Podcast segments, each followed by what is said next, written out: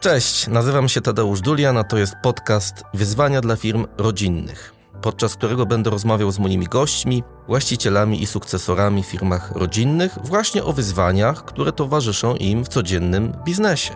Bardzo chciałbym, aby te rozmowy były inspiracją dla innych właścicieli biznesu rodzinnego, dlatego serdecznie zapraszam do słuchania i subskrypcji.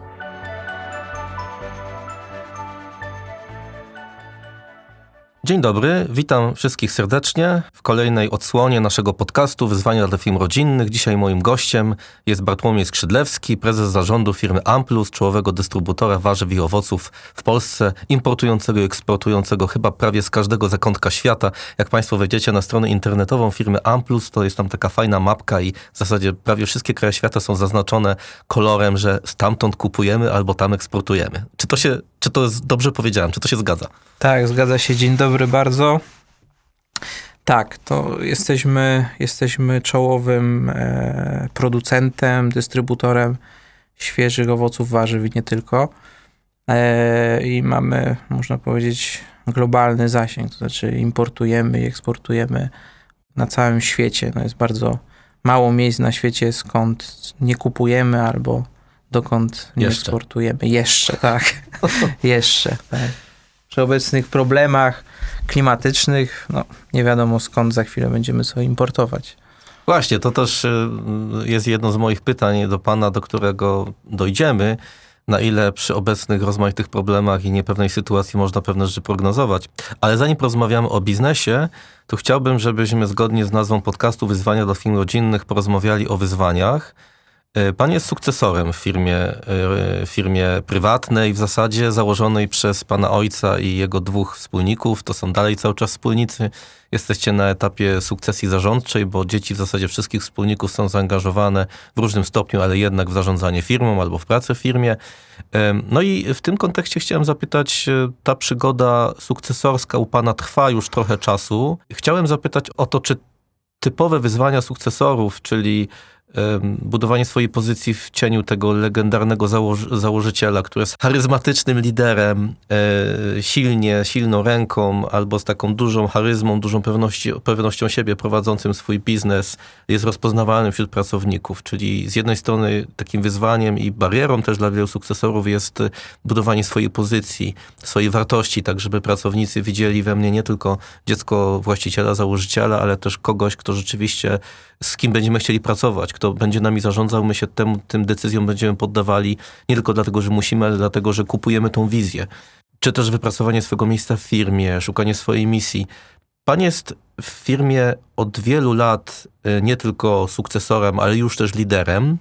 No i ja się domyślam, że wypracowywanie tej swojej pozycji liderskiej musiało trwać dużo czasu i dużo kosztować. I chciałbym o to zapytać, jak wyglądała Pana droga do tego miejsca, w którym dzisiaj Pan jest jakimi barierami albo trudnościami była naznaczona i jak z pańskiej perspektywy wyglądają te najważniejsze wyzwania młodego lidera w drugim pokoleniu?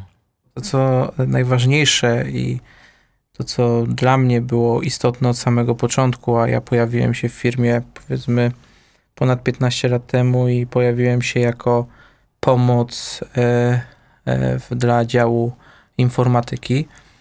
E, i to, co jest istotne, to jest to, żeby działać, a nie mówić. Nasuwa mi się teraz myśl jednego z francuskich postmodernistycznych filozofów, który mówił, że jak ludzie przestają tworzyć, to stają się historią. I trochę tak samo jest i, i w firmie, i z liderami, że my powinniśmy cały czas tworzyć, cały czas iść do przodu, czasem większymi, czasem mniejszymi krokami ale te czyny będą świadczyć o nas, o nas jako właśnie liderach, o nas jako e, sukcesorach, tak jak w tym wypadku. E, moim celem od samego początku nie była sukcesja. No. Ja się tam pojawiłem raczej e, na pracę wakacyjną. Jakoś tak się, jakoś się okazało, że, że, że tam zostałem i zostałem przez, przez 15 lat w ogóle ta praca bardzo, bardzo mi się spodobała. Zaraziła mnie jakąś pasją, znaczy pojawiła się pewna pasja. Pasja właśnie tworzenia, rozwoju. E, jak ja przyszedłem do firmy, firma była powiedzmy średniej wielkości, rzędu 80 milionów złotych przychodu. Dzisiaj mówimy o firmie, która e, e, generuje tam miliard 100, miliard 200 milionów. I te możliwości, które gdzieś tam zauważyłem, które się pojawiały, w szczególności dla młodego człowieka, który żyje pasją, no, spowodowały, że, że, że zostałem i się rozwijałem. A przy okazji nastąpiła, e, powiedzmy to, naturalna sukcesja, w sensie takim, że naturalnie okazało się, że, że, że, że, że mogę e, awansować i, i w końcowym efekcie zostać, zostać prezesem i tą spółkę, spółkę dalej, dalej rozwijać. E, I tak jak mówię, no, dzisiaj lider i e, rolą dzisiejszego lidera w szczególności jest pasja. To nie jest kwestia zarządzania, bo dzisiaj zarządzania i zarówno można się gdzieś tam nauczyć i, i zarządzania też możesz mieć doradców. Albo można takiego dobrego zarządcę, sprawnego po prostu sobie z rynku ściągnąć, prawda? Ale to nie zapewni firmie sukcesu. Oczywiście, że tak. I jak chodzi właśnie o, o, o kwestię zarządzania, tak jak mówiłem, można, można nawet jakieś firmy doradcze, tak jak Deloitte przykładowo. Natomiast to, co odróżnia właśnie dobre firmy e, i to, o czym tutaj właśnie mówimy, to jest ta, to jest, to jest właśnie ta pasja. No dzisiaj przykład, który mi się nasuwa od razu na myśl jest, nie wiem, Ilona Maska. Nie jest to, można powiedzieć, najlepszy zarządzający dostępny dzisiaj na rynku, tak? Wydaje mi się, że e, jak chodzi o szukanie kogoś na rynku, kto mógłby sprawnie zarządzać firmą, no nie jest to może najlepszy, najlepszy przykład. Ale przez to, że przez niego przemawia wizja, pasja, jest wizjonerem, jest kimś, kto chce tworzyć, rozwijać, nie boi się też zaryzykować własnych pieniędzy dla, dla swojej wizji i pasji, spowodował, że dzisiaj jest jedną z najbardziej rozpoznawalnych osób na, na świecie i, i Tesla jest, można powiedzieć, naj, naj, najbardziej rozpoznawalnym elektrycznym samochodem na świecie, SpaceX i tak dalej. E, więc rolą dzisiejszego lidera, e, moim zdaniem, jest właśnie e, to, jest, to jest to wizjonerstwo, to jest ta wizja, za którą idzie motywowanie ludzi. No bo okej, okay, no jeżeli ty masz wizję, ale nie potrafisz zmotywować ludzi do działania, to na końcu zostajesz sam z tą wizją. Mhm. Natomiast jeżeli masz umiejętność, żeby motywować ludzi, ludzi wokół siebie do tego, żeby oni poszli z tobą i realizowali wspólnie tą wizję, która no, nie jest tylko można powiedzieć, wizją jednego człowieka, ale gdzieś tam wspólną też pracą ludzi, no to jest to bardzo dobra mieszanka, która w dłuższej perspektywie na pewno gwarantuje sukces. Czyli ta pasja, ta chęć tworzenia to jest coś, co wyróżnia i co powoduje, że mamy pewną perspektywę, pewną wizję, wiemy dokąd chcemy tę firmę poprowadzić, ale też wiemy i o tym pan właśnie też powiedział, że żeby ten lider mógł realizować tą swoją wizję, tą swoją pasję, nie zrobi tego sam. Musi to zrobić pewnym zespołem ludzkim. I w tym kontekście chciałem zapytać o, o to, czy y, w tym nowym stadium, w którym wy jesteście jako firma, bo na początku była to firma zarządzana przez założycieli, oni przez ileś lat dotarli się i sobie wypracowali jakiś model podejmowania decyzji, który funkcjonował. Zresztą jest ich trójka, więc to było relatywnie łatwe.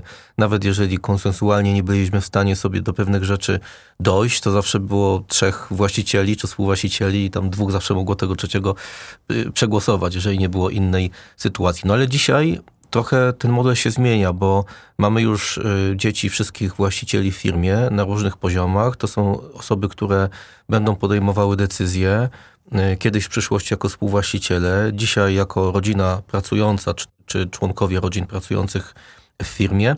No i dzisiaj chyba jest taka konieczność wypracowania jakiegoś nowego modelu podejmowania decyzji, który budowałby pewien konsensus pomiędzy właśnie sukcesorami.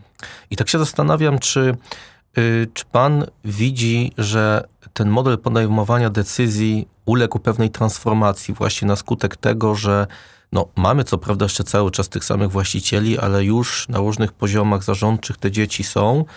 One też są w różny sposób zaangażowane, mają różną decyzyjność, różną wiedzę na temat firmy, różny poziom odpowiedzialności. No i to wszystko rzutuje na, na, na, na pewien nowy model podejmowania decyzji, który uwzględniałby specyfikę tej zmiany pokoleniowej, prawda? Większa grupa musi podejmować decyzje, doświadczenie biznesowe o różnym poziomie. To jest wyzwanie, wydaje mi się. Jakie są Pana obserwacje tutaj, jak, jak z tym sobie radzicie? To, co jest bardzo istotne, e, zarządzanie spółką to jest pewnego rodzaju odpowiedzialność. A nie tylko odpowiedzialność co do prawa, nazwijmy go jakiegoś e, ustawodawczego, ale też co do prawa moralnego.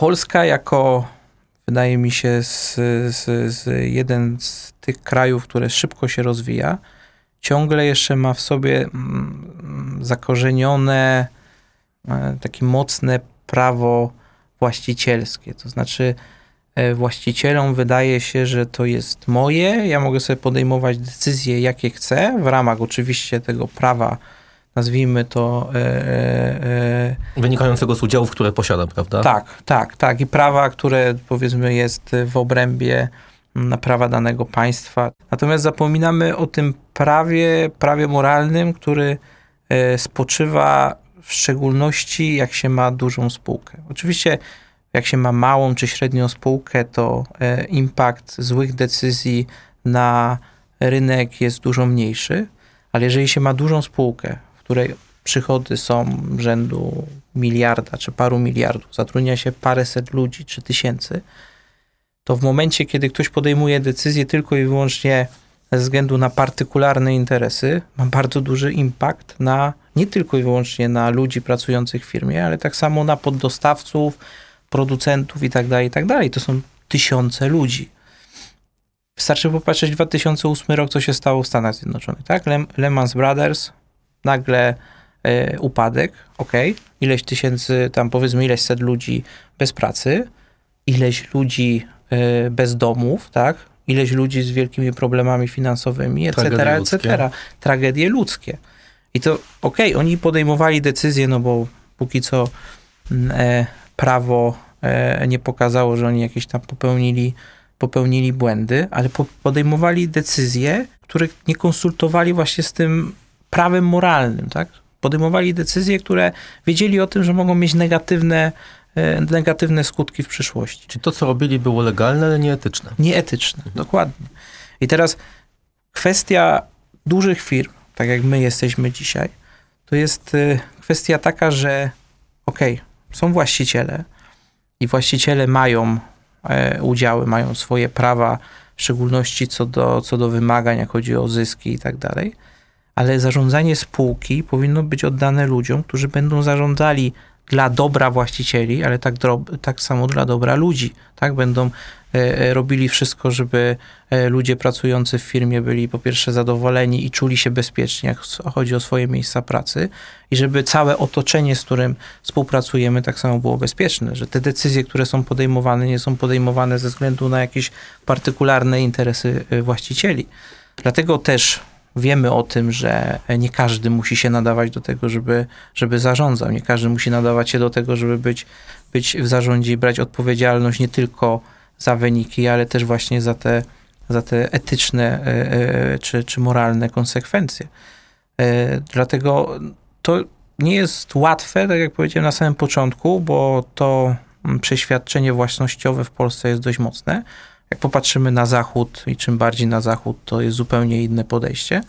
Natomiast w Polsce wydaje mi się, że to też wynika z tego, że to jest dopiero zmiana pierwszego pokolenia tak naprawdę, tak? Większość tych firm powstawała w latach 90. Nasza firma powstała w 92, to w tym roku mamy 30-lecie. Dlatego pewnie przy kolejnych już zmianach pokoleniowych ta świadomość jest zupełnie inna. Natomiast no na pewno jest to, jest to, jest to, jest to wyzwanie i to wyzwanie takie stricte powiedziałbym w cudzysłowie, e, e, e, filozoficzne, bo to właściciele no, muszą zrozumieć, że to nie jest kwestia, że to już jest, nie wiem, moja firma. Oczywiście ja mam tutaj udziały i mam jakieś tam oczekiwania wobec niej, ale to już jest firma, w której pracują ludzie i oni też są częścią tej firmy. Tak jakby ludzie, którzy pracują u nas w firmie, oni są tak samo częścią tej firmy jak my czy właściciele. I tak samo oni się z tą firmą utożsamiają, jak się utożsamiają z nią właściciele. Oni też chcą, żeby przychodzili do pracy, żeby czuli, że to jest ich firma, tak?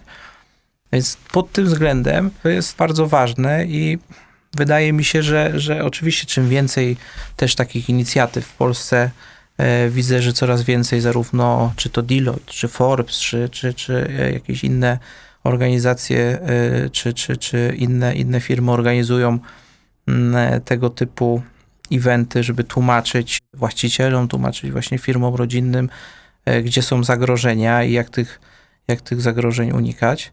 E, natomiast no, u nas buduje się e, pewna organizacja, pewna organizacja, gdzie faktycznie staramy się rozliczać co do właśnie zadań, co do, co do odpowiedzialności.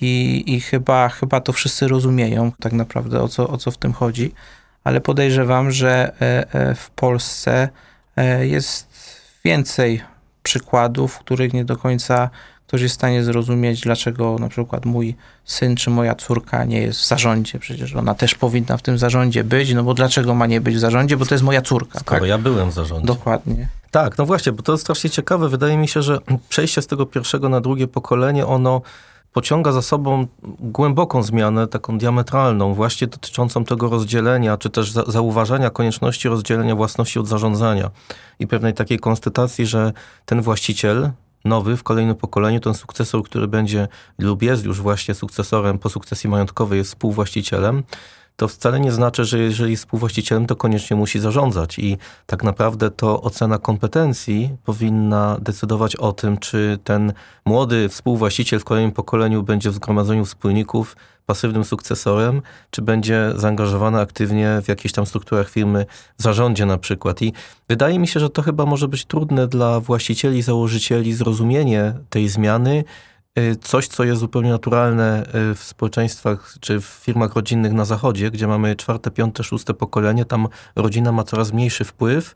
Nastąpiła przez wiele lat tak zwana profesjonalizacja zarządzania, to znaczy dzisiaj jak patrzymy na te zarządy, to mamy tam zewnętrznych specjalistów, a rodzina jest albo na poziomie rady nadzorczej, albo jakiejś fundacji rodzinnej. W każdym bądź razie może pilnować wizji, wartości, jakiegoś kierunku, ale jest oderwana, odsunięta od tego bieżącego zarządzania i to tylko wychodzi firmie na lepsze. Ale, ale tu się rodzi kolejny problem, bo e, okej, okay, mówimy z perspektywy właścicieli, ale teraz czy ktoś przykładowo pyta się tego dziecka, tego syna czy córki, czy ono chce być na przykład liderem, tak? Albo czy ono ma pasję do tego, żeby dalej tą firmę rozwijać i, i, i działać. Czy w ogóle to jest to, co ona by chciała robić? Ja na przykład uważam, że e, to może być życiowa tragedia nie tylko dla spółki, ale tak samo dla tych e, dzieci, które nagle e, nie chcę powiedzieć, że są przymuszane, ale jakby całe otoczenie wywiera na nich taki duży wpływ. Rodzina, znajomi, że oni muszą podjąć się tej sukcesji, oni muszą wejść na, te, na to stanowisko lidera. I właśnie to później może mieć bardzo, bardzo złe konsekwencje, tak? To jest ciekawe, bo ja, ja czasem jak rozmawiam z właścicielami, czy w ogóle z członkami rodzin, yy, które mają, są właścicielami firm rodzinnych, to bardzo często te starsze pokolenie mówią, że rola rodziny się nie zmieni, to znaczy dalej będzie to rola zarządcza. Oni są bardzo tacy przyzwyczajeni i związani z tym, że jednak to rodzina musi zarządzać biznesem, bo oni tak zawsze robili, więc dlaczego miałaby tutaj być zmiana? Ale jak popatrzymy na motywację tego kolejnego pokolenia, drugiego albo trzeciego, to bardzo jasno widać, że część członków rodziny jest zainteresowana zarządzaniem, ale część ma swoje pomysły i to jest zupełnie naturalne i to trzeba uszanować właśnie po to, żeby zbudować w tych sukcesorach mm, czy też spowodować, że ich wejście do firmy rodzinnej będzie motywowane tą pozytywną motywacją, taką jak pan powiedział na początku, pasja, czyli chciałem, bo mi się to podoba. Y, a nie negatywnymi motywacjami, y, presja rodziny, muszę, bo mnie wydziedziczą, powinienem, bo nie mogę zostawić rodziców samych, albo muszę, bo nigdzie indziej nie znajdę pracy. To są wszystko negatywne motywacje, które mogą się przełożyć na y, no, brak sukcesu, albo mogą leżeć u przyczyn tego, co obserwujemy w krajach zachodnich, czyli pierwsze pokolenie buduje, drugie konsumuje, trzecie rujnuje, bo nie wykształciliśmy sobie ani pozytywnego podejścia we wchodzeniu w firmę rodzinną, ani tych pozytywnych kompetencji. Czyli co? Czyli ten lider taki nowoczesny z jednej strony buduje ludzi, buduje motywację, ale też tworzy wspólną przestrzeń do podejmowania decyzji, nie tylko w własnym egoistycznym interesie, żeby nie ponosić kosztów tych decyzji i obciążenia tymi decyzjami, ale po to, żeby wiązać ludzi i motywować ich przez to, że oni mają takie poczucie zaangażowania, bo mogą podejmować decyzje w firmie. Tak? Znaczy tak, za szefem ludzie idą, bo muszą. Za liderem idą, bo chcą. I jeżeli lider e, daje przestrzeń, daje przestrzeń ludziom, daje przestrzeń e, i ufa tym ludziom. To jakby to, co jest bardzo e, i w mojej ocenie najważniejsze, jak chodzi o zarządzanie i prowadzenie spółki i ogólnie biznes w tym świecie kapitalistycznym, to jest zaufanie. Bardzo fajny przykład e, pokazał e, Simon Sinek, który badał e, efektywność, czy badał, dlaczego Navy SEALs jest jedna z najbardziej elitarnych jednostek prawda, wojskowych na świecie, z czego to wynika. I zaczął badać performance versus zaufanie, trust. I nagle okazało się, że żołnierze wolą wybierać do swojej grupy ludzi z troszkę gorszych, jak chodzi o performance, ale ludziom, których, którym mogą ufać. Nawet wolą wybrać naj, naj, naj, naj, najgorszego pod względem performance niż najlepszego i któremu nie mogą zupełnie zaufać. I tak samo jest w biznesie i tak samo jest w zarządzaniu. Jeżeli otaczasz się ludźmi, którym możesz zaufać i ci ludzie doceniają to zaufanie i podejmują decyzje, to dużo łatwiej jest pójść do przodu. Oczywiście trzeba pamiętać, jeżeli chcesz iść szybko do przodu, to idziesz samemu. Jeżeli chcesz iść daleko na lata, to musisz iść z kimś. Samemu nie jesteś w stanie tego zrobić. Tak jakby nie ma, nie ma szans. Dlatego potrzebujesz mieć ludzi, potrzebujesz mieć ludzi, którym będziesz ufał, którzy tobie też będą ufać. I to jest coś, co, co, co, co jest też podstawową rzeczą dla liderów, żeby budować to zaufanie wewnątrz firmy, żeby budować to zaufanie wśród właśnie swoimi współpracownikami, ale tak samo to zaufanie budować na zewnątrz. Budować na zewnątrz, jak chodzi o nawet i konkurencję, czy jak chodzi o swoich partnerów biznesowych. To jest najważniejsze. No, w dzisiejszych czasach, e, ja też zawsze powtarzam, to jest jedno z moich ulubionych powiedzeń, że jeżeli ktoś ci powie, że jesteś osłem, to go olej. Za drugim razem, jak ktoś ci powie, że jesteś osłem, to daj mu w twarz. Ale za trzecim razem, jak ktoś ci powie, że jesteś osłem, to kup sobie siodło. Więc jeżeli kogoś oszukałeś raz, to ci jeszcze ci da szansę drugi raz, ale jak go drugi raz oszukałeś, to już za trzecim razem ci już nikt nie da, nie da szansy. Mhm. Już sobie kup siodło, więc, więc to jest bardzo, bardzo, bardzo ważne. Jeżeli masz to zaufanie do ludzi i otaczasz się ludźmi, gdzie, gdzie to zaufanie jest, to dużo łatwiej jest, żeby ci ludzie podejmowali decyzje. No bo jeżeli im ufasz, to ufasz, że podejmą decyzję w taki sposób, żeby było jak najlepiej dla firmy, tak? I nie chcą cię zawieść. I nie chcą cię zawieść. Mhm. Dokładnie. A to jest bardzo ciekawe, bo teraz mi się taki y, wątek skojarzył z tym zaufaniem i performance versus trust. Y, Czy to zaufanie nie jest szczególnie istotne w firmach rodzinnych, y, gdzie właściciele zawsze mówią o tym, że lubią się posługiwać intuicją pewną i te, te analizy, te dane, te fakty to jest jakiś dodatek do tej intuicji. Jeżeli wynik tego, tej analizy, na przykład jakiegoś doradcy, idzie w tym samym kierunku, co ta intuicja, no to wtedy podejmiemy decyzję i będziemy jeszcze mogli powiedzieć, ja tutaj taką intuicję wcześniej miałem, tak? Tylko z potwierdzenie tej mojej intuicji.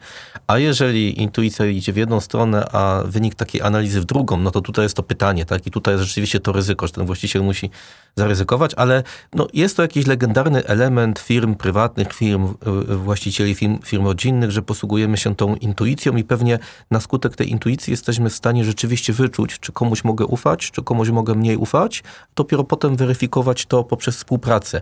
Bo jak z kimś nie, nie współpracowaliśmy przez dłuższy okres czasu, to będzie nam ciężej powiedzieć, czy, czy to jest ktoś, kto jest rzeczywiście taki bardzo solidny. Ale trochę mam wrażenie, że to jest bardzo ważny temat w firmach rodzinnych, bo jak patrzymy jeszcze na inną cechę typową dla firm rodzinnych, prywatnych, czyli długą perspektywę, to ona oznacza, że mogę wziąć do swojego zespołu kogoś, kto ma taki troszkę niższy performance, ale co do którego wydaje mi się, albo mam intuicję, albo wiem, że będę miał duże zaufanie, bo pewnych rzeczy on się nauczy.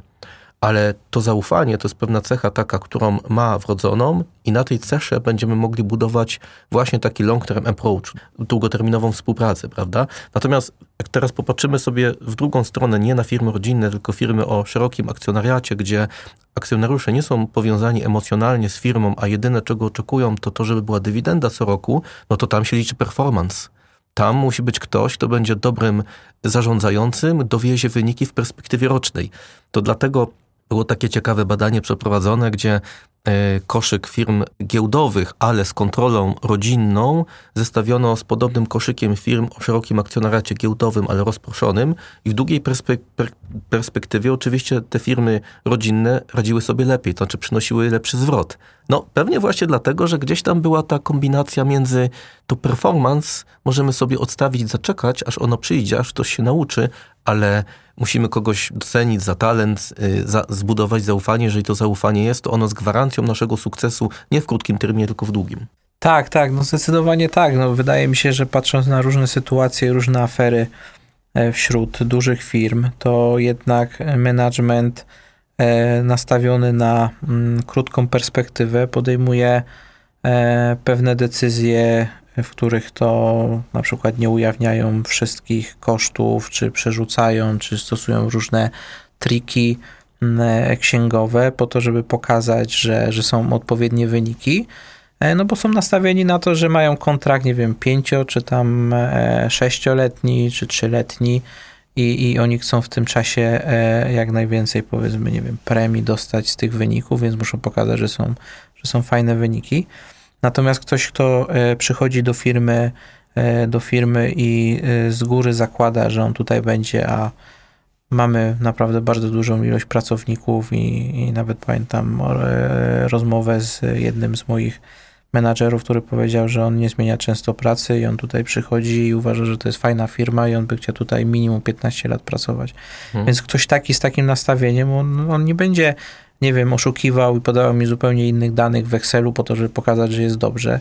Tylko on do mnie przyjdzie i powie, Bartek, no, no nie jest dobrze i musimy coś zrobić, żeby było dobrze. I wiadomo, ok, dzisiaj wiemy, że jakieś mleko się wylało, ale zareagujemy e, lepiej i, i, w przyszłości naprawimy ten błąd. A jeżeli ktoś będzie oszukiwał i pokazywał, że jest inaczej, to wcześniej czy później to mleko się rozleje, ale to już nie będzie jedna mała plamka, tylko to już może być olbrzymia plama, z którą można sobie trochę gorzej, gorzej radzić, więc no tak, no mi też się w ogóle przy, e, e, w takich sytuacjach zawsze do głowy przychodzi przykład z, z, z Challengerem, gdzie wiedzieli o tym, że tam jest problem z tą, z tą uszczelką i, i nie powiedzieli, bo to było takie ważne, żeby ten prom wystartował. Okres, okres zimnej wojny musieliśmy pokazać, że jednak Stany są, są, są krok do przodu przed, przed Związkiem Radzieckim i, i, i zaryzykowali i to są te, te momenty, które pokazują, no jednak nie, no jednak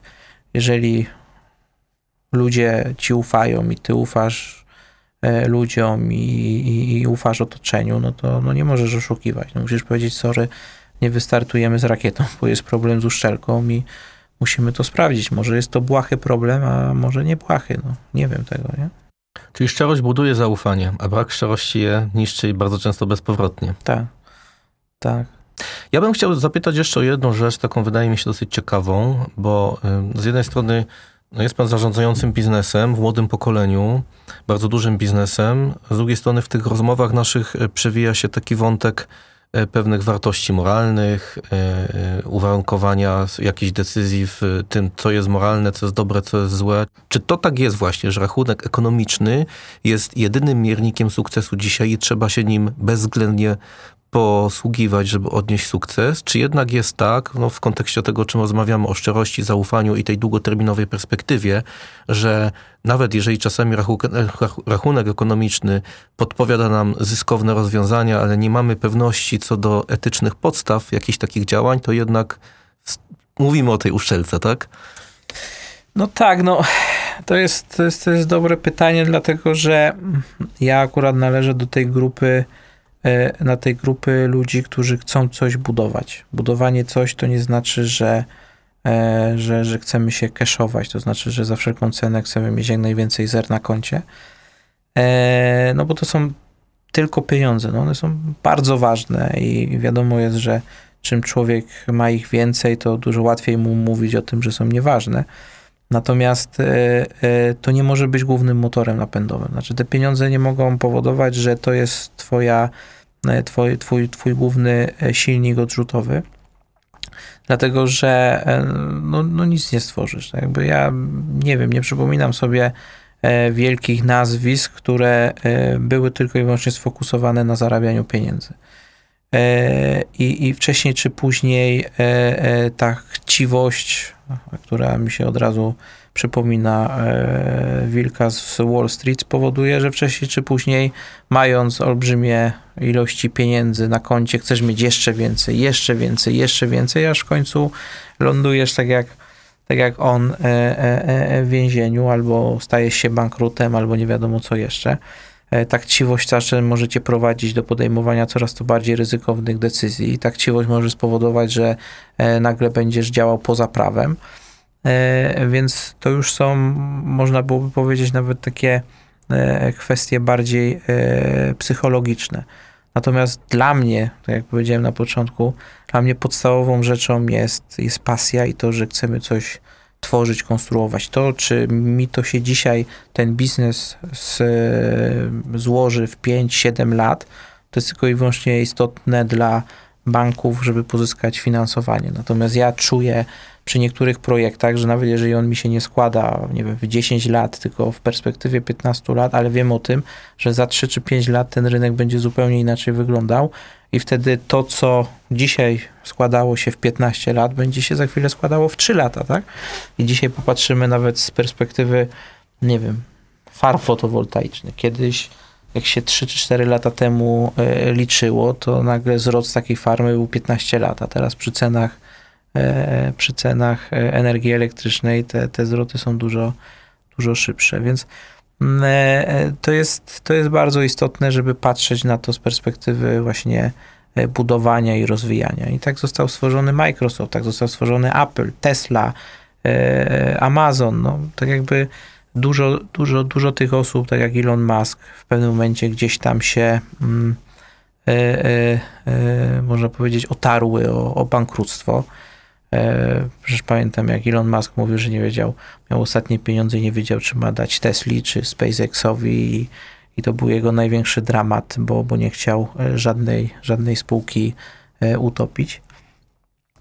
Natomiast no, jemu na pieniądzach nie zależało, tak? On wszystkie swoje pieniądze, jakie miał, inwestował w spółkę, no bo chciał coś stworzyć i, i mi się wydaje, że, że tylko w taki sposób można, można, można budować spółkę i można budować spółkę na, na pokolenia. I mamy dużo takich spółek na świecie, które od pokoleń były nastawione na jakość, na odpowiednie wartości, na odpowiednie misje i przez to są już, nie wiem, czwarte, piąte pokolenia, które to kontynuują i pewnie te spółki jeszcze przez długo, długo będą istniały. To jeszcze na chwilę do tej pasji bym wrócił.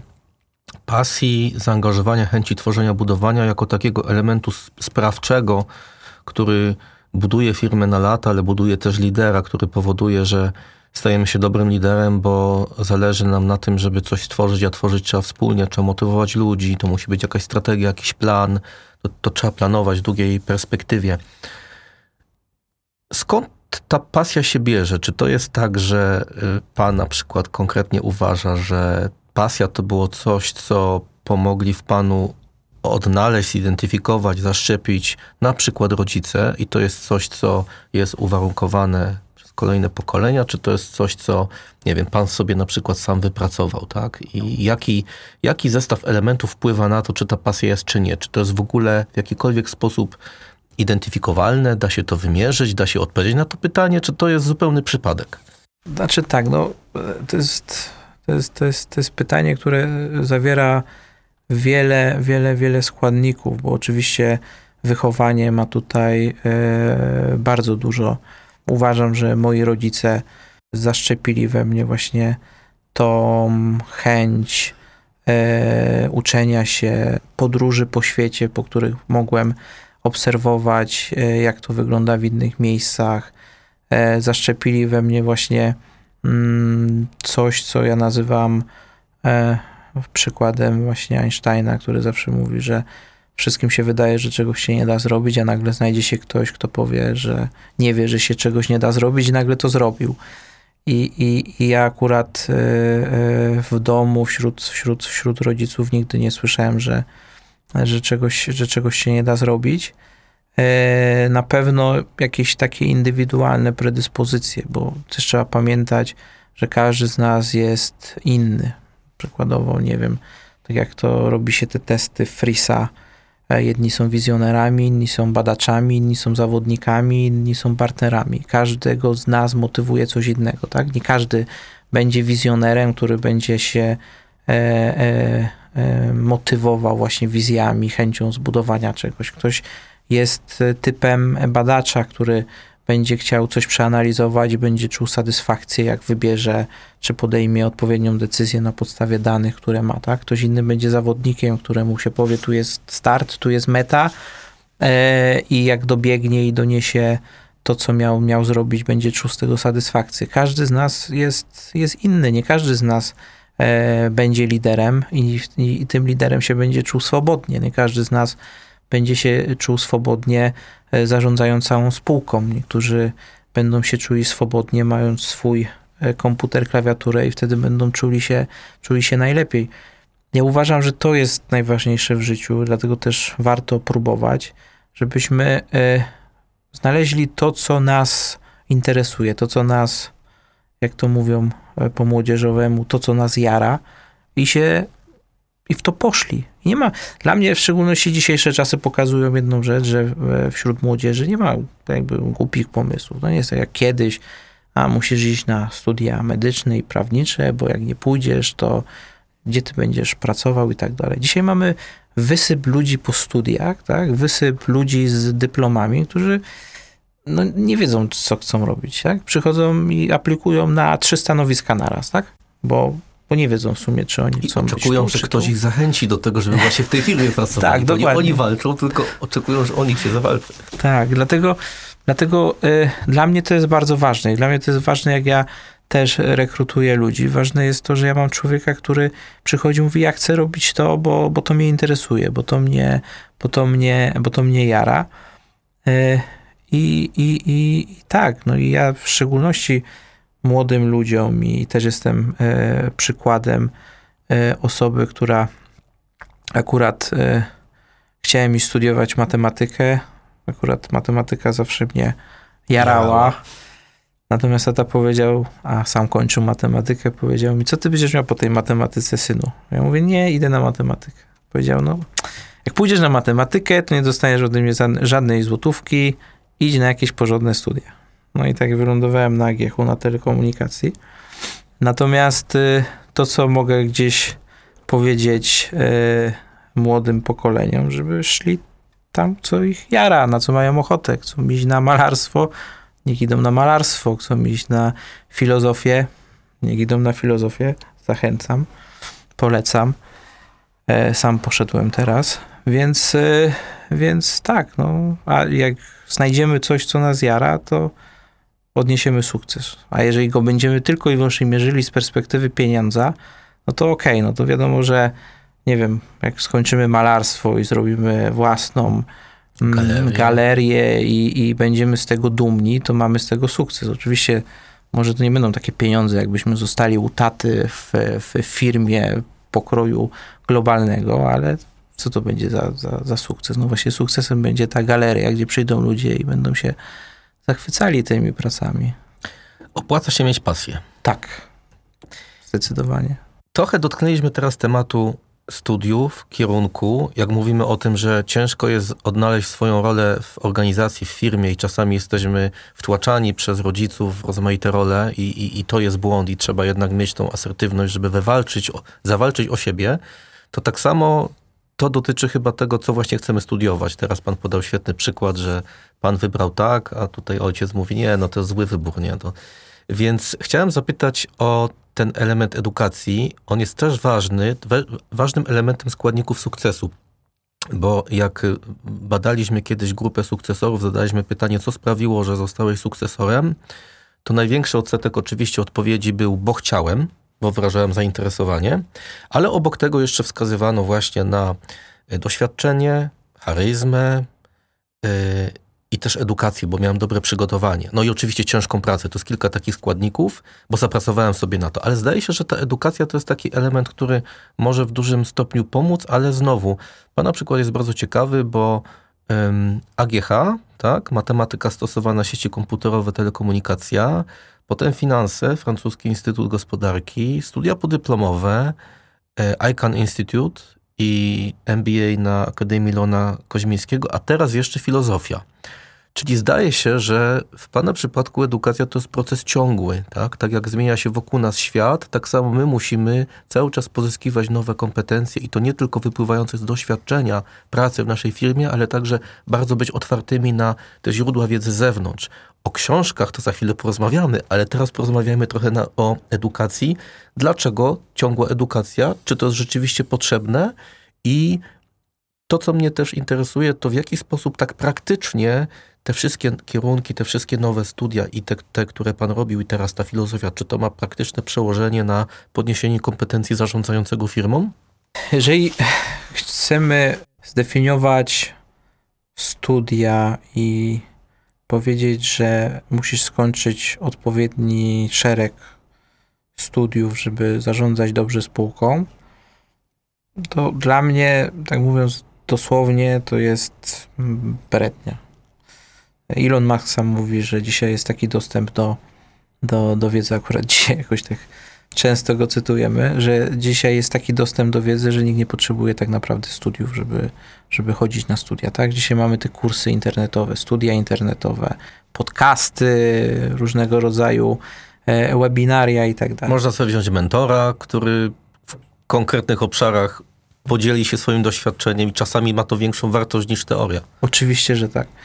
Dlatego, e, dlatego nie. Ja uważam, że e, to nie ma nic ze sobą wspólnego. Ja uważam, że e, kwestia, mm, nie wiem, studiów, w szczególności tych renomowanych studiów w Stanach Zjednoczonych, które kosztują dużo pieniędzy, to jest na pewno bardzo fajny biznes i, i bardzo fajna renoma. Znam parę osób, które kończyło MBA w Stanach Zjednoczonych i mówiły, że tak naprawdę to, co im wniosło do życia, to tylko książka e, kontaktów, bo znają e, osoby na całym świecie najlepszych specjalistów. Natomiast studia są potrzebne, dlatego że jeżeli to Cię interesuje i chcesz pogłębić swoją wiedzę, to powinieneś iść na studia. Wydaje mi się, że teraz się zrobił po pierwsze z tego, nie wiem, biznes, czy po drugie e, moda, bo kiedyś pamiętam, w szczególności za czasów mojego taty, jak ktoś szedł na studia, to dlatego, że to go interesowało i chciał pogłębiać tą wiedzę. Przykładowo, jak się szło na studia matematyczne, to ktoś szedł, bo chciał zostać, powiedzmy, matematykiem, to go interesowało. Dzisiaj idziemy na studia po to, żeby mieć papier i na końcu powiedzieć: Skończyłem takie i takie studia, i dzisiaj jestem przygotowany do tego, żeby zarządzać spółką, bo skończyłem London Business School. Mhm no nic bardziej mylnego, wręcz odwrotnie. No, jeżeli skończyłeś biznes w London School i to cię interesuje i zrobiłeś to dlatego, bo chciałeś zobaczyć, jaki mają punkt widzenia, nie wiem, w Londynie, w, w, w Stanach Zjednoczonych, gdzieś indziej, to jak najbardziej. Ale jeżeli to zrobiłeś dlatego, bo ktoś cię przygotowuje do tego, żebyś zarządzał spółką, no okej, okay, no może, może w paru przypadkach to wyjdzie, a w większości tak i tak się będziemy męczyć bo dla mnie studia i dlatego też mm, poszedłem na filozofię, e, dlatego że, że mnie to interesuje. Robię to tak naprawdę dla siebie. Szukam inspiracji. Szukam inspiracji, którą jestem w stanie później przelać e, na biznes, na, na ludzi, zrozumieć bardziej właśnie ludzi, zrozumieć bardziej właśnie współpracowników. I, i, I, paradoks polega na tym, że my się uczymy całe życie. To, to tak naprawdę nawet jak popatrzymy na największych e, e, filozofów, to oni gdzieś tam w późniejszym okresie swojego życia wtedy pisali największe swoje prace, no bo przez ten cały okres cały czas studiowali, gdzieś tam poznawali świat, ludzi i tak dalej, na końcu byli w stanie powiedzieć, czy wysnuć jakieś, jakieś konkluzje z tego, co, co gdzieś tam zaobserwowali. I tak samo jest, jest w biznesie. No, nie możemy dzisiaj powiedzieć, o ja skończyłem MBA i jestem przygotowany do prowadzenia, prowadzenia e, firmy czy spółki, biorąc pod uwagę też, że żyjemy w czasach, e, już nie mówiąc czarnych łabędzi, ale w czasach, gdzie ta dynamika, gdzie ta zmienność jest e, bardzo duża. No dzisiaj to nam się wydaje zapewne, jutro już jest niepewne, więc mhm. i to jest w ogóle ciekawa rzecz, akurat to, mm, to powtarza właśnie Paweł, Paweł Motyl, że Najważniejszą umiejętnością w dzisiejszych czasach nie jest umiejętność szybkiego uczenia się. To jest umiejętność oduczania się tego, czego się nauczyliśmy, bo już się tak to szybko, szybko zmienia i, i, i, i I to jest, to, jest, to, jest, to, jest, to jest ważne. Więc jeżeli jesteśmy otwarci po pierwsze na oduczanie się i uczenie się nowych rzeczy i szukamy inspiracji, dla kogoś inspiracją jest filozofia, czy inspiracją jest matematyka, czy inspiracją są inne kierunki, to jak najbardziej. To nie jest, to, to, to, to ci nie gwarantuje sukcesu. Naprawdę ilość dyplomów, a sam jestem tego przykładem, e, czym więcej wiem, to tym czym więcej się uczę, czym więcej wiem, tym więcej nie wiem, więc ogólnie rzecz biorąc to, to niczego nie, nie, nie, nie gwarantuje, oprócz tego, że można sobie wpisać w LinkedIna. No.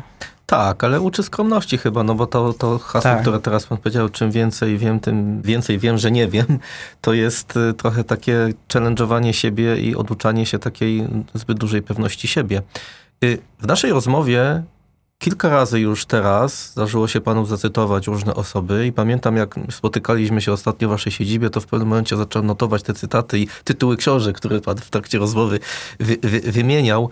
E, Czyli znowu e, to oduczanie się e, pewnych rzeczy, to trochę dla mnie jest taka zamiana umysłu pustego na otwarty, czyli ważnym elementem naszego e, pojmowania świata, odnajdywania się tej elastyczności, mieć otwarty umysł i pewne rzeczy zapominać, ale przyjmować to, co w danym momencie uznamy za wartościowe. No i z jednej strony edukacja nam to daje, z drugiej strony właśnie y, czytanie książek i też inne źródła, źródła y, wiedzy, nie te takie y, szkolne czy, czy, czy uczelniane. Y, proszę nam powiedzieć tak, jakie w ostatnim czasie przeczytane pozycje w znaczący sposób na Pana wpłynęły i na przykład miały wpływ na postrzegania świata, co przejął, przełożyło się na jakieś decyzje biznesowe, albo inny sposób zarządzania, albo inny sposób patrzenia na świat. Y, Tutaj jestem ciekaw jakichś inspiracji takich książkowych. To, co na pewno pod jakim e, ostatnio jestem dużym wpływem e, i, i też gdzieś zgłębiam wiedzę, to jest na pewno mm, kwestia podejmowania decyzji. Tutaj noblista z dziedziny ekonomii behawioralnej, Daniel Kahneman czy Kahneman, różnie y, czytany, mm, Pułapki myślenia, czy ostatnia pozycja, która wyszła przetłumaczona na, na język polski, Szum.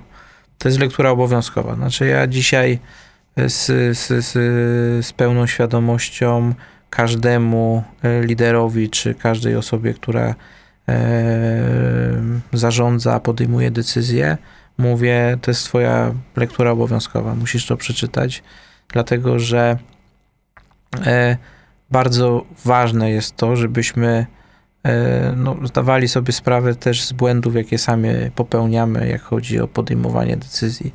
A takich błędów popełniamy bardzo dużo e, i one przede wszystkim wynikają z, z, z, ze złych intuicji, z intuicji, które gdzieś mamy, mm, które gdzieś pojawiły się, czy to ze względów jakichś powiedzmy e, wychowawczych, czy ze względu e, tradycyjnych, czy ze względu właśnie tradycji, czy, czy religii, e, czy nawet z tego, że czasy się zmieniły, że niektóre intuicje, nie wiem, w latach 90., tak jak tutaj e, e, wcześniej było wspomniane, właściciele wyrobili sobie intuicję w latach 90., to to wtedy działało, ale czasy się zmieniły, lata 90. dawno minęły, żyjemy prawda, w 2022 roku i, i te intuicje już są błędne i te intuicje doprowadzają nas do pewnych błędów. I Co więcej, cały czas świat nas zaskakuje i udowadnia nam, że nawet jak mamy te intuicje, to i tak nas może zaskoczyć, i tak się pomylimy. I to się dzieje non-stop. Tak, dokładnie. Dlatego tutaj akurat też, e, też e, Nikolas, Nikolas Taleb, który mm, e, bardzo fajnie wprowadził nas, można powiedzieć, ten taki obecny, obecny czas, czyli te pozycje antykruchość, czy, czy, czy czarny, czarnego łabędzia, którego no teraz już wszyscy mówią, że dookoła mamy tylko czarne łabędzie. On to pisał w 2007 roku, o ile sobie dobrze przypominam, i wtedy pisał na samym gdzieś tam końcu już tej książki, że na przykład epidemie i pandemie to nie będą czarne łabędzie. Możemy się tego spodziewać ze względu na to, jak ludzie się przemieszczają, komunikują i tak dalej, etc., etc. No ale 2019 rok, no to był czarny łabędź, prawda? No bo coś nas tam czy zaskoczyło, COVID nas, nas zaskoczył. Dlatego no, te pozycje, pozycje są bardzo, bardzo istotne. Bardzo polecam Dana Ariely'ego i, i jego pozycję właśnie o irracjonalności, żeby pokazać, jak, jak, jak ludzie właśnie podejmują decyzje, które są irracjonalne. Mm, e, I, i jak sobie człowiek przeczyta, przeczyta te badania i zobaczy właśnie, dlaczego tak, a nie inaczej podejmujemy decyzję, no to później już się trzy razy zastanowimy e, nad właśnie podjęciem jakiejś decyzji. No najlepsze, najlepsze, najlepsze kwestie są właśnie związane z kwestiami marketingowymi, promocjami, bo okazuje się, że to jest wszystko właśnie mm, gra, wszystko to jest taka gra e, psychologiczna. Można powiedzieć, że nawet wykorzystuje się tutaj teorię gier do tego, żeby w odpowiedni sposób, mówiąc wprost, manipulować konsumentem, żeby on, prawda, przyszedł i, i kupił. No, najlepszym przykładem jest y, zakotwiczanie się, nie? że nagle jest wywieszona cena za buty, nie wiem, 400 zł przykładowo i za chwilę jest zrobiona promocja i kosztują 200. I wtedy idziesz do sklepu, wiesz, kurczę, super okazja, nie? Bo kupuję za 200 Trzeba zł. Skorzystać. Trzeba skorzystać. Nie szkodzi, że mi się troszkę nie podobają te buty. Jest okazja, nie? 200 zł, no kurczę, patrz, reklamie nawet ING to chyba było, kochanie, zaoszczędziłam 200 zł. A z drugiej ze strony, jak się zastanowisz, to po pierwsze tak, czy one faktycznie są warte 400 zł, czy są warte 200 zł, czy może są warte 100 zł, E, a druga rzecz jest taka, czy ja faktycznie chcę wydać na te buty 200 zł. Może ja chcę wydać 100 zł na te buty i powinienem iść i poszukać butów za 100 zł. I okazuje się, że e, kupujemy czasem więcej rzeczy niż potrzebujemy i czasem płacimy za nie więcej niż tak naprawdę e, powinniśmy wydać. A to są tylko i wyłącznie gry marketingowe i, i to są zdecydowanie no, pozycje, które które, które każdy, y, w które każdy powinien się zagłębić, w szczególności jak zarządza, e, no bo dużo łatwiej mu też będzie interpretować pewne sytuacje. Mhm. Mówiliśmy trochę o wyzwaniach takich typowych dla sukcesorów, ale chciałbym na chwilę przenieść się w ten obszar bardziej taki biznesowy, firmowy, porozmawiać o waszych wyzwaniach rynkowych dotyczących tego, czym się zajmujecie, czyli dystrybucji owoców i warzyw, bo działacie na różnych rynkach, y, siłą rzeczy w różnych jurysdykcjach pewnie prawnych, Um, ostatnie wydarzenia i pandemiczne, i, i, wojenne bardzo mocno wpłynęły w zasadzie większości biznesów na łańcuchy dostaw, które się poprzerywały. Trzeba było szukać sobie, dywersyfikować te dostawy, szukać nowych dostawców.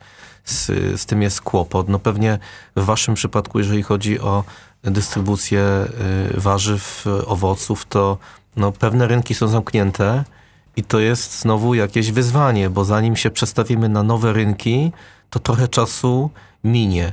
E, więc e, chciałem zapytać o to, jak, jak, jak by pan nazwał te podstawowe wyzwania rynkowe, które dzisiaj mocno determinują e, waszą sytuację, wasze dzisiaj, ale też wasze jutro.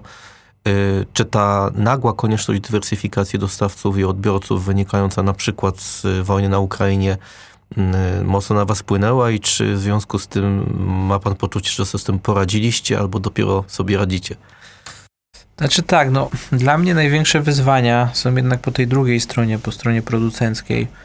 Oczywiście e, bardzo ważny jest, jest klient, może jak to mówił Steve Jobs, e, najważniejszy, ale my akurat jesteśmy w trochę w innej branży, branży, gdzie jednak to, co, to, co mamy, to mamy z ziemi, mamy to z, z, i mamy do czynienia z problemami, które e, dotyczą właśnie e, produkcji, produkcji, e, produkcji rolnej.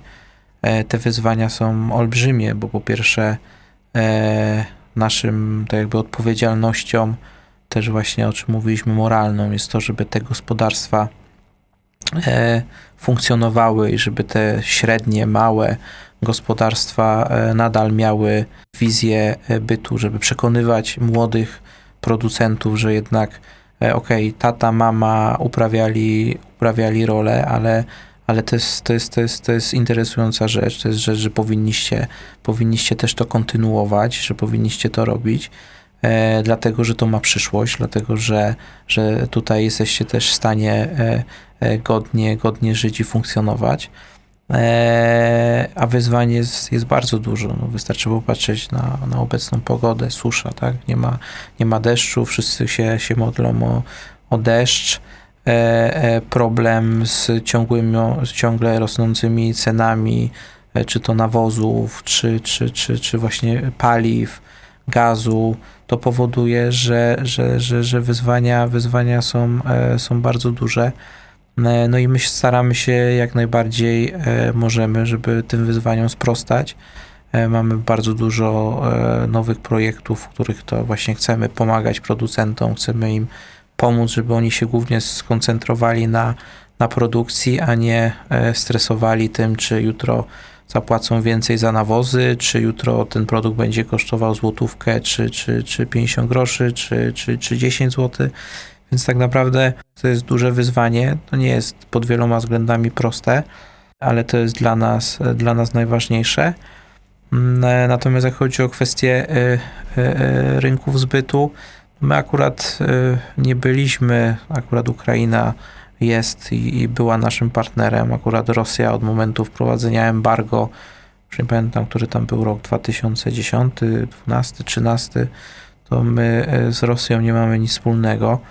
Mm, e, e, Więc, więc akurat e, tutaj ta strona rynku rynkowa nas nie, nie, nie, nie, nie, nie zaskoczyła negatywnie, natomiast pozytywnie zaskakuje nasz eksport na zachód, bo tam ze względu na te problemy, o których teraz też mówiłem, jest coraz mniej produkcji. Coraz mniej się produkuje w Niemczech, coraz mniej się produkuje we Francji, coraz mniej się produkuje w tych innych państwach.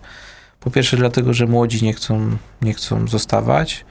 E, Kolejnym, kolejnym e, problemem są koszty, niepewność, warunki pogodowe, etc., etc.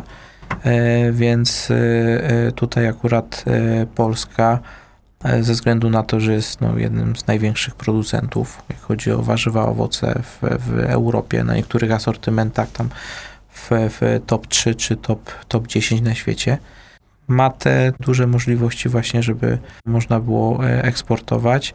Natomiast no, dla nas największym wyzwaniem to jest to, żeby pomagać, konsolidować tych producentów i ułatwiać im życie jak najbardziej tylko możemy. Oczywiście dużo rzeczy nie zależy od nas, bo zależy też od e, finalnych odbiorców, no ale staramy się pomóc jak najbardziej możemy. Czyli te grupy producenckie tak zwane, to jest, to jest sta- stabilizacja tego dostawcy, tego producenta, którego kupujecie, prawda? Tak, tak, Więc tak, to, tak. Jest, to jest y, ważny element, który powoduje, że macie przynajmniej ten dostawy macie ustabilizowane i nie trzeba na wszystkich frontach walczyć. Tak, no to też jest pewnego rodzaju misja. No naszą misją, ze względu na to, że, że ten rynek jest bardzo, bardzo był rozregulowany, ze względu na to, że jedni produkowali lepiej, drudzy gorzej. Te ceny też były w jakiś sposób e, wymieszane. Mm, e, Naszą, e, naszą misją jest to, żeby konsolidować producentów i żeby oni skupiali się na produkcji, nie martwili się o to, czy dostaną pieniądze za swój produkt, czy ktoś im zapłaci, czy dostaną takie pieniądze, które pozwolą im pokryć koszty tej produkcji, etc., etc.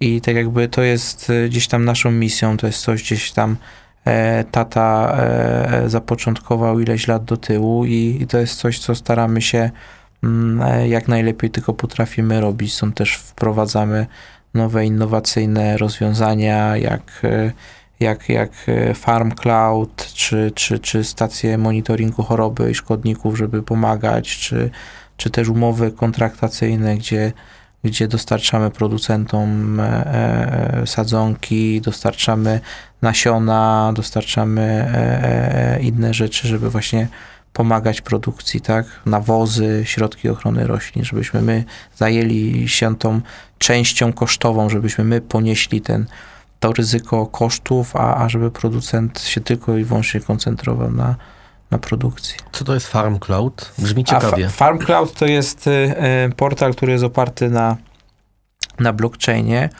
y, i y, mamy od nasiona, można powiedzieć, do końcowego konsumenta identyfikację. Możemy zobaczyć, w którym miejscu została wyprodukowana, e, wyprodukowany dany, dany, dany owoc, na której parceli, w którym miejscu w Polsce. E, blockchain, dlatego że raz wpisane dane, one już tam po, pozostaną. E, trzeba pamiętać, że każda e, dostawa czy każda uprawa produktów, zanim wejdzie w, w obieg sprzedaż, jest kontrolowana pod względem e, pozostałości po pestycydach i te wyniki są wpisywane do, do Farm Cloudu. To znaczy, że jeżeli jakiś producent z jakichś względów będzie miał przekroczenia, no to już ta historia zostanie na wieki wieków nikt jej nie będzie w stanie e, wymazać. Tak jakby naszą ambicją jest to, żeby kole, końcowy konsument kupując nasze produkty mógł sobie właśnie zeskanować i, i zobaczyć całą historię od, od nasiona po, po właśnie końcowy produkt, gdzie to zostało wyprodukowane, zobaczyć, że są testy na, na pestycydy, badania gleby i tak dalej, i tak dalej. Super, brzmi to super. I też działa super. To tak y, kończąc powoli nasz podcast, chciałem jeszcze zapytać y, o ostatni wątek, no to trochę wizja przyszłości tego biznesu, bo mówiliśmy dzisiaj o tym, że świat jest bardzo y, zmienny, jest dużo czynników determinujących rozwój różnych biznesów, mało jesteśmy w stanie przewidzieć, musimy trochę inaczej podchodzić, bardziej krytycznie do własnej intuicji. Im więcej wiemy, tym bardziej jesteśmy świadomi, że ciągle mało wiemy albo ciągle nic nie wiemy to tak brzmi, jakby, jakbyśmy niewiele rzeczy mogli kontrolować i bardzo wiele rzeczy było zakrytych za wielkim znakiem zapytania. W tym kontekście, czy jest w ogóle możliwe takie pytanie o wizję przyszłości waszego biznesu? Czy, czy gdzie pan widzi firmę perspektywie 20-30 lat? Czy to będzie inny kierunek? Czy co tą zmianę będzie najbardziej determinowało. Czy to w ogóle da się jakoś opisać, określić, czy raczej zarządzanie biznesem polega na pewnym elastycznym dostosowaniu się do tych rzeczy, które, których nie byliśmy w stanie przewidzieć, a które nagle przychodzą? Więc tak, no, żeby odpowiedzieć na to pytanie, to podzielę go na dwie części. Pierwsza część, bardziej filozoficzna, jak już mówimy o tej filozofii, filozofia chińska Lao Tzu, Lao, Lao Zi, on miał dwa przydomki, mówił, że jeżeli jesteśmy w depresji, depressed, to znaczy, że żyjemy przeszłością. Jeżeli jesteśmy tacy niespokojni, to znaczy, że żyjemy przyszłością i się stresujemy, nie wiemy, co będzie jutro i tak dalej, i tak dalej. A kiedy jesteśmy spokojni, to żyjemy teraźniejszością. I tak jakby dla mnie bardzo ważne jest to, żeby oczywiście e, mieć misję, mieć cele i strategie długoterminowe, ale jak chodzi o kwestie problemów, rozwiązywania problemów i skupiania się na obecnej sytuacji, to staram się patrzeć teraźniejszością. Znaczy, zadają mi pytania, no jaka będzie w przyszłym roku, będzie sytuacja, nie wiem, z transportem, z cenami, z ludźmi i tak dalej. Nie wiem, nie wiem jak co będzie, czy będzie dobrze, czy źle, wojna na Ukrainie, czy to jest dobre, czy to jest złe pod wieloma względami jest złe, no bo każda wojna jest zła, ale po drugie, jaki to będzie miało wpływ na rynek, tego nie wiem. To jest tak jakby kolejna, kolejna chińska, chińskie przysłowie, które mówi, że był rolnik, akurat biznesowo, który miał konia i ten koń mu zdechł. I przyszli tam do tej, z tej wioski do niego, o, jaki cię spotkało nieszczęście, bo ci ten koń zdechł i co teraz będziesz robił? No on mówi, no nie wiem, no może mnie spotkało nieszczęście, nie wiem. Nagle się okazało, że po pewnym czasie gdzieś tam przyleciało siedem koni dzikich. Wszyscy się zebrali, mówią, o jaki ty jesteś szczęściarz, masz siedem dzikich koni, to w ogóle jesteś teraz najbogatszy we wsi. A on mówi, może, nie wiem. Nagle jego syn wsiadł na tego jednego dzikiego konia, przewrócił się i złamał dwie nogi. No i wszyscy przychodzą, mówią, Boże, jakie ty masz nieszczęście, syn, jeszcze dwie nogi, tu ci nikt nie pomoże i tak dalej, i tak dalej. No nieszczęście. On mówi, no może to jest nieszczęście, nie wiem. No i w pewnym momencie przy, przy, przyszli do wioski e, jacyś tam generałowie i e, zabierają e, synów do wojska. A tego właśnie e, e, chłopa, syna zostawili, bo miał dwie złamane nogi, no to w wojsku się nie przydał, nie? I nagle się okazuje, że to, że spadł z tego konia, no nie było takie złe, jak mogłoby się wydawać. Więc do końca nie wiemy, tak jakby, co przyniesie jutro i czy to, co dzisiaj się wydarzyło, jest dobre czy złe. Najważniejsze są te perspektywy. Jeżeli my dzisiaj mamy perspektywę do rozwoju, mamy perspektywę do tego, żeby coś robić, to powinniśmy to robić. Jeżeli zmienia nam się perspektywa, bo zmienia się rynek i tak dalej, to powinniśmy się zmienić. Powinniśmy też być elastyczni pod tym względem, też trochę iść z nurtem, jak chodzi, chodzi o ten rynek, bo, bo on się zmienia.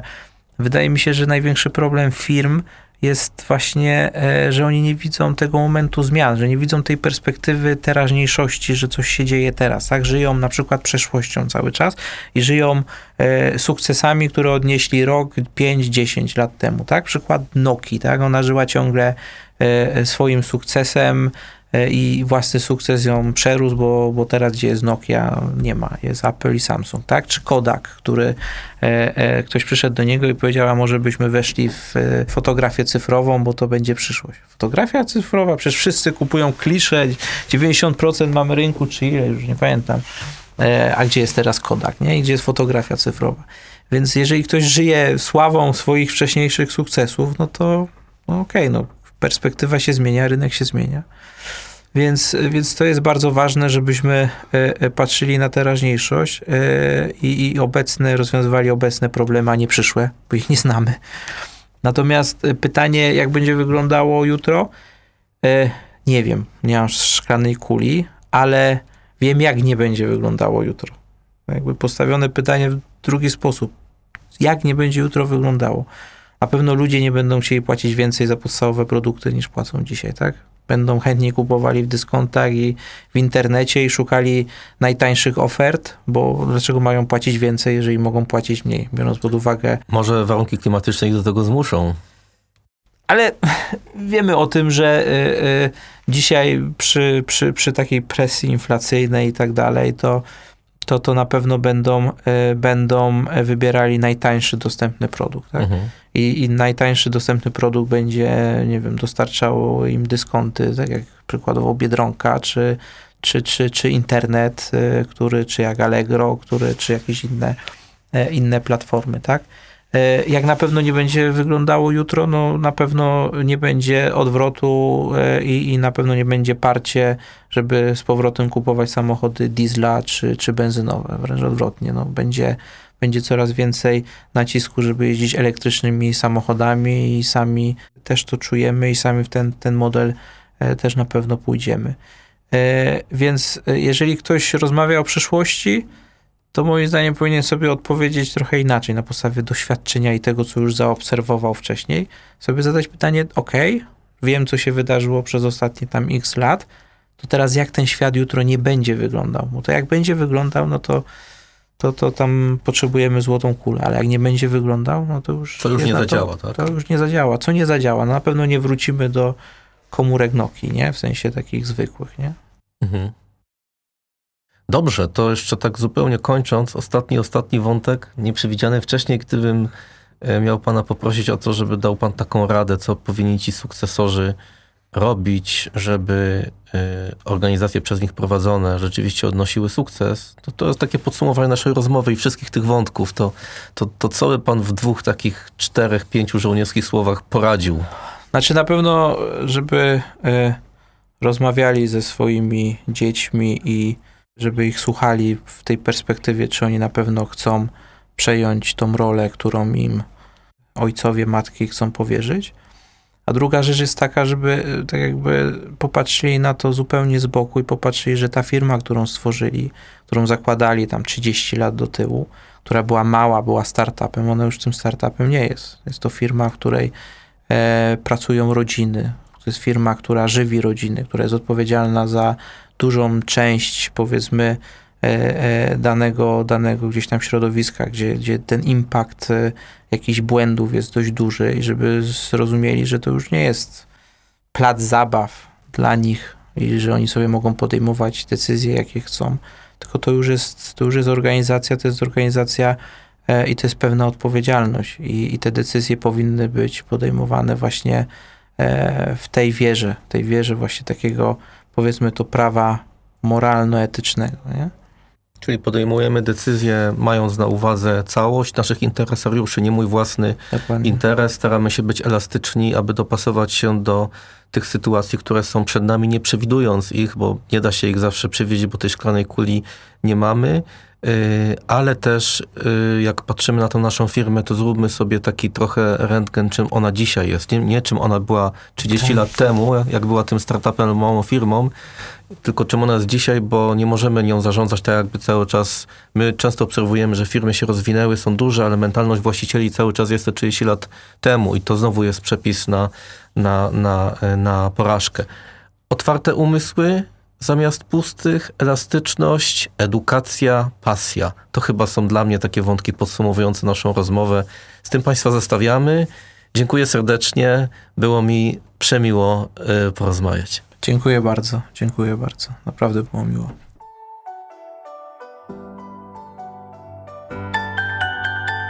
To był podcast Wyzwania dla Film Rodzinnych.